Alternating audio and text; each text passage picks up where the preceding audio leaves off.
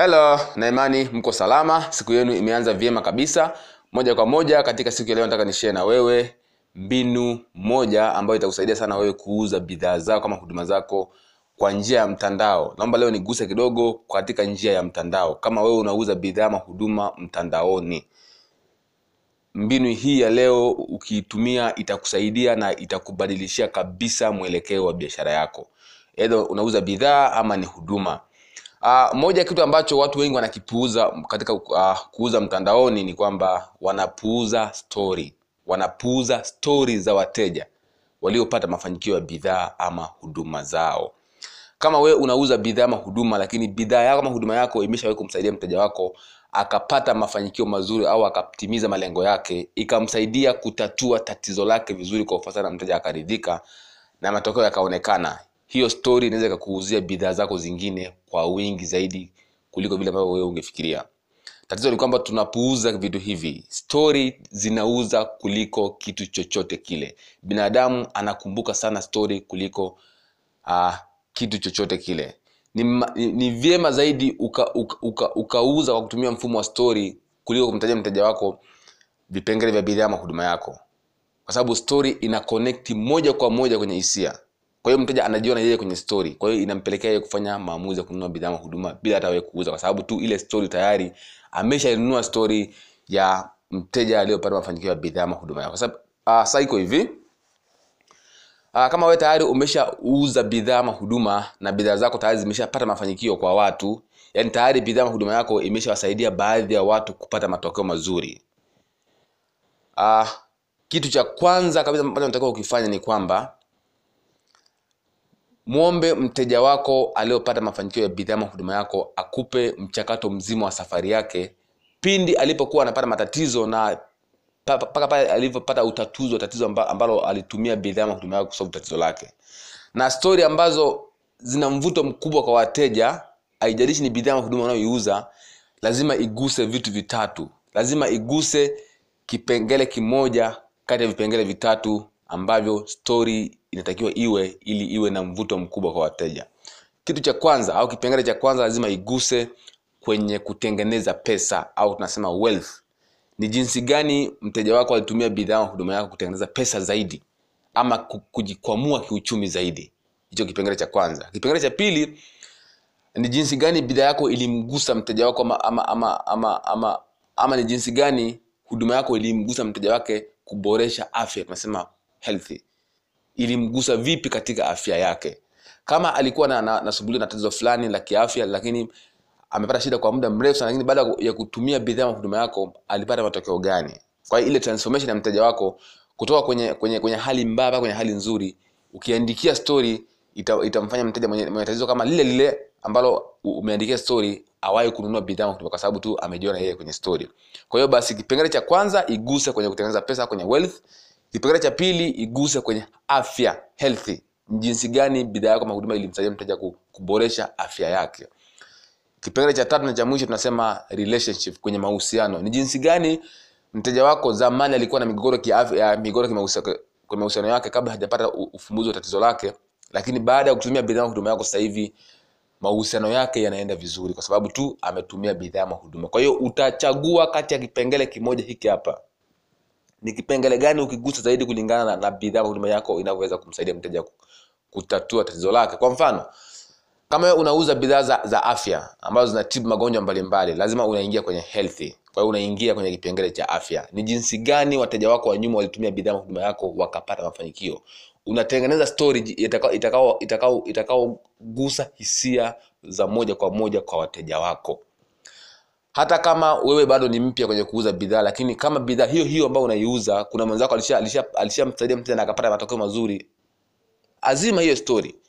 Hiyo story ifanye iwe ya kwako kwa sababu bidhaa ni ile ile okay? Kwa hiyo tengeneza story. Kwa mfano katika peji zako za instagram na facebook ukikuta kule ndani ume, umejaza story zenye shuhuda za wateja wako jinsi bidhaa yako ilivyo ilivyomsaidia mteja kutoka kwenye hali mbaya ya kiuchumi kwenda hali nzuri ya kiuchumi tunazungumza sasa kwenye wealth kipengele cha kwanza. Au jinsi gani bidhaa zako au bidhaa yako ilimsaidia mteja wako kutoka kwenye hali mbaya ya kiafya. Alikuwa na tatizo fulani ameangaika kwa muda mrefu lakini baada ya kutumia bidhaa yako basi ikamsaidia kusolve tatizo hilo. Kwa hiyo kule zijaze shuhuda. Jaza stori za wateja wako. Stori zinauza kuliko kitu chochote kile. Na ndio maana wengi wenu mnaonifata inbox na sasa hivi kidogo kidogo watu wamekuwa ni wengi sana. Kwa hiyo nikishakwambia subiri kidogo basi sisi kukimbia hapana foleni imekuwa ni kubwa lakini na, na, nimeandika list ya watu wote ambao wakitaka msaada wa kusaidiwa katika online. Kwa hiyo nitakuwa na mwondoa mmoja baada ya mwingine. Kwa hiyo ukiwa nimekwambia subiri basi tuvumiliane tu kwa sababu watu ni wengi sana. Sana. Na sasa hivi pale ofisini watu wanakuja kila siku. Tunatoka tunatoka ofisini saa tano na nusu. Kwa hiyo muda wote mchana unakuwa upo upo busy. Kwa hiyo tuvumiliane kwa hilo. Lakini ukweli ni kwamba peji nyingi za watu nikishaingia nawaambia futa kila kitu anza upya. Ukiwa nimekwambia vile nina maana yangu ni kwamba peji yako ilikuwa haina mpangilio mzuri haimwaliki mteja. Kwa hiyo nakwambia jaanza kujaza elimu ama jaza shuhuda.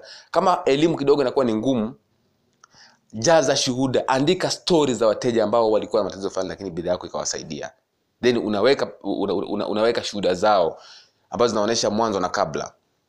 Okay? Kwa hiyo andika story unaweza ukajaza peji yako kwa mfumo wa story. Unaandika story ya kila mteja ambao jinsi gani alikuwa anapitia wakati mgumu kabla hajapata bidhaa yako ama huduma yako lakini sasa hivi amepiga am, am, ameingia hatua fulani baada ya kupata bidhaa ama huduma yako. Haijalishi ni bidhaa ama ni huduma. Kwa hiyo story iguse vipengele vitatu. Kipengele cha kwanza iguse kwenye kutengeneza pesa ama kwenye kutengeneza utajiri. Kwamba alivyotoka kwenye hali mbaya ya kiuchumi akaingia kwenye hali nzuri kwa sababu tu alipata msaada kutoka katika aidha ni kitabu chako aidha ni elimu yako aidha ni kitu chochote kile ambacho unakiuza. Okay? Stage ya pili tunasema ilimsaidia vipi kiafya? Eh, afya yake ilikuwa vipi mwanzoni kabla hajapata bidhaa ama huduma yako? Lakini sasa hivi afya yake ikoje? Na a, a, stage ya tatu tunasema mahusiano relationship. Mteja wako mteja wako kama kama mahusiano yake ilikuwa na yumbo kwa sababu ya tatizo ambalo baadaye ulikuja kumsaidia mahusiano yake yakarudi yakarudi yakarudi kama mwanzo. Kwa hiyo unachagua kipengele kimoja kati ya hivi vitatu then unakitengenezea una story kulingana na jinsi bidhaa yako ilivyomsaidia mteja wako kusolve tatizo hilo kwa hiyo wanasema lazima stori yako iguse vipengele kimoja kati hivi vitatu. Iki, ikiwa nje ya hivi vitatu usitegemee kama stori hiyo itamvutia mteja wako. Kwa sababu tu hivi vitu ni vipo katika uasili wa binadamu uasili wa mwanadamu. Yaani ni human nature. Vipo katika vitu kisaikolojia binadamu ili aweze kuchukua maamuzi na kuchukua hatua lazima aguswe kipengele kimoja kati ya hivi vitatu. Aidha kwenye kutengeneza fedha zaidi ama utajiri aidha kwenye afya au kwenye mahusiano. Kwa hivi hivi vitatu ukigusa kimojawapo basi na kuhakikishia utapata wateja wengi sana katika mtandao. Kwa hiyo leo nilikuwa nagusia kupitia mtandao. Kwa wale ambao wanafanya mtandaoni basi nadhani mada leo ilikuwa inahusu zaidi. Japo na wengine pia kama haufanyi basi kama baadaye una, una, una nia ya kufanya nadhani hii ni muhimu sana. Kwa hiyo tengeneza story. Wateja wako waliopata mafanikio kuhusu bidhaa mahuduma yako ni mbinu moja sana ya kuuza endapo ukijua kutengeneza story. Nitakuja kuwaletea mifano ya jinsi kutengeneza story lakini kwa leo chukua pointi hiyo. Anza kutengeneza story. Anza kuandika story za wateja wako waliopata mafanikio kupitia bidhaa ama huduma. Kama bado huna story na kuna mwenzako ambaye ameshafanya amesha, hivyo na mteja amepata mafanikio basi azima story yake. Sio lazima story ya kwako ila as long as kama bidhaa iliyomsaidia mteja huyo ni, ni sana kwako kwa maana bidhaa ni ile ile na matokeo ni yale yale. Kwa hiyo unaweza ukaazima stori ya mteja wako au ya partner wako ambaye anauza bidhaa ama huduma kama ya kwako then mkashare story kwa ajili ya kutumia kama mbinu ya mauzo. Kwa hiyo ukitumia mbinu hii itakusaidia sana. Tumia story sana. Story zinauza zaidi. Watu wananunua zaidi kupitia story. Na watu wanakumbuka zaidi story kuliko mantiki okay? Kwa hiyo tengeneza stori za bidhaa ama ila tu stori yako lazima iwe ya ukweli. Usitunge stori ambayo haina ukweli. Kwa sababu tu ukifanya hivyo utakuwa unadanganya wateja na hutakiwi kuwadanganya wateja. Okay? Kwa hiyo mbinu hii ya leo ni muhimu sana. Moja vitu vya mtandaoni ambavyo ni muhimu sana kwa sasa hivi ni story wale watu ambao wana uwezo mzuri wa kucraft story wana uwezo mzuri wa kuandika story ndio wanaouza zaidi kwa sasa hivi. Ndio maana hata matangazo mengi ukiangalia kwenye mtandao kwa wale wataalamu wa copywriting sasa hivi wanatumia sana story. Kwa mfano ukichukulia mfano mtu mmoja anaitwa Dunlop kwa wengi mnaomfahamu. Dunlop copy zake copy zake asilimia 99 sasa hivi. Ni story. Anaingiza story, story yake ya zamani anaingiza story, story yake na mke wake story yake na mentor wake story yake na wanafunzi wake. You see? Kwa hiyo anagusa analenga pale pale. Lazima ahusishe story kwenye copy. Lazima ahusishe story kwenye maandishi yake kwa sababu stories zinauza zaidi. Kwa hiyo storytelling unavyokuwa na uwezo mzuri wa kuambia story kuhusu mafanikio ya wateja wako kwa kutumia bidhaa yako ndivyo unavyozidi kuuza zaidi kwa sasa hivi.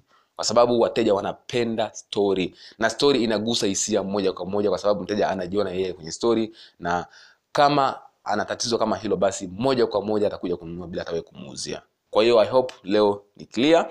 Na kama kuna swali basi utauliza. Na niombe radhi kwa wale ambao nimewastopisha ni kwa muda mrefu na nimeweka kwenye foleni kwa muda mrefu basi nitajitahidi kutatua tatizo lao. Kama ulinifuata inbox kwa ajili ya kukusaidia kuiangalia peji yako kama kuandikia tangazo na imechukua muda mrefu I'm sorry for that na nisamee sana. Sio kusudi langu ila tu ni kwamba watu wamekuwa ni wengi sana. Kwa hiyo unakuta kuna wengine walikuwa na foleni tangu mwezi uliopita.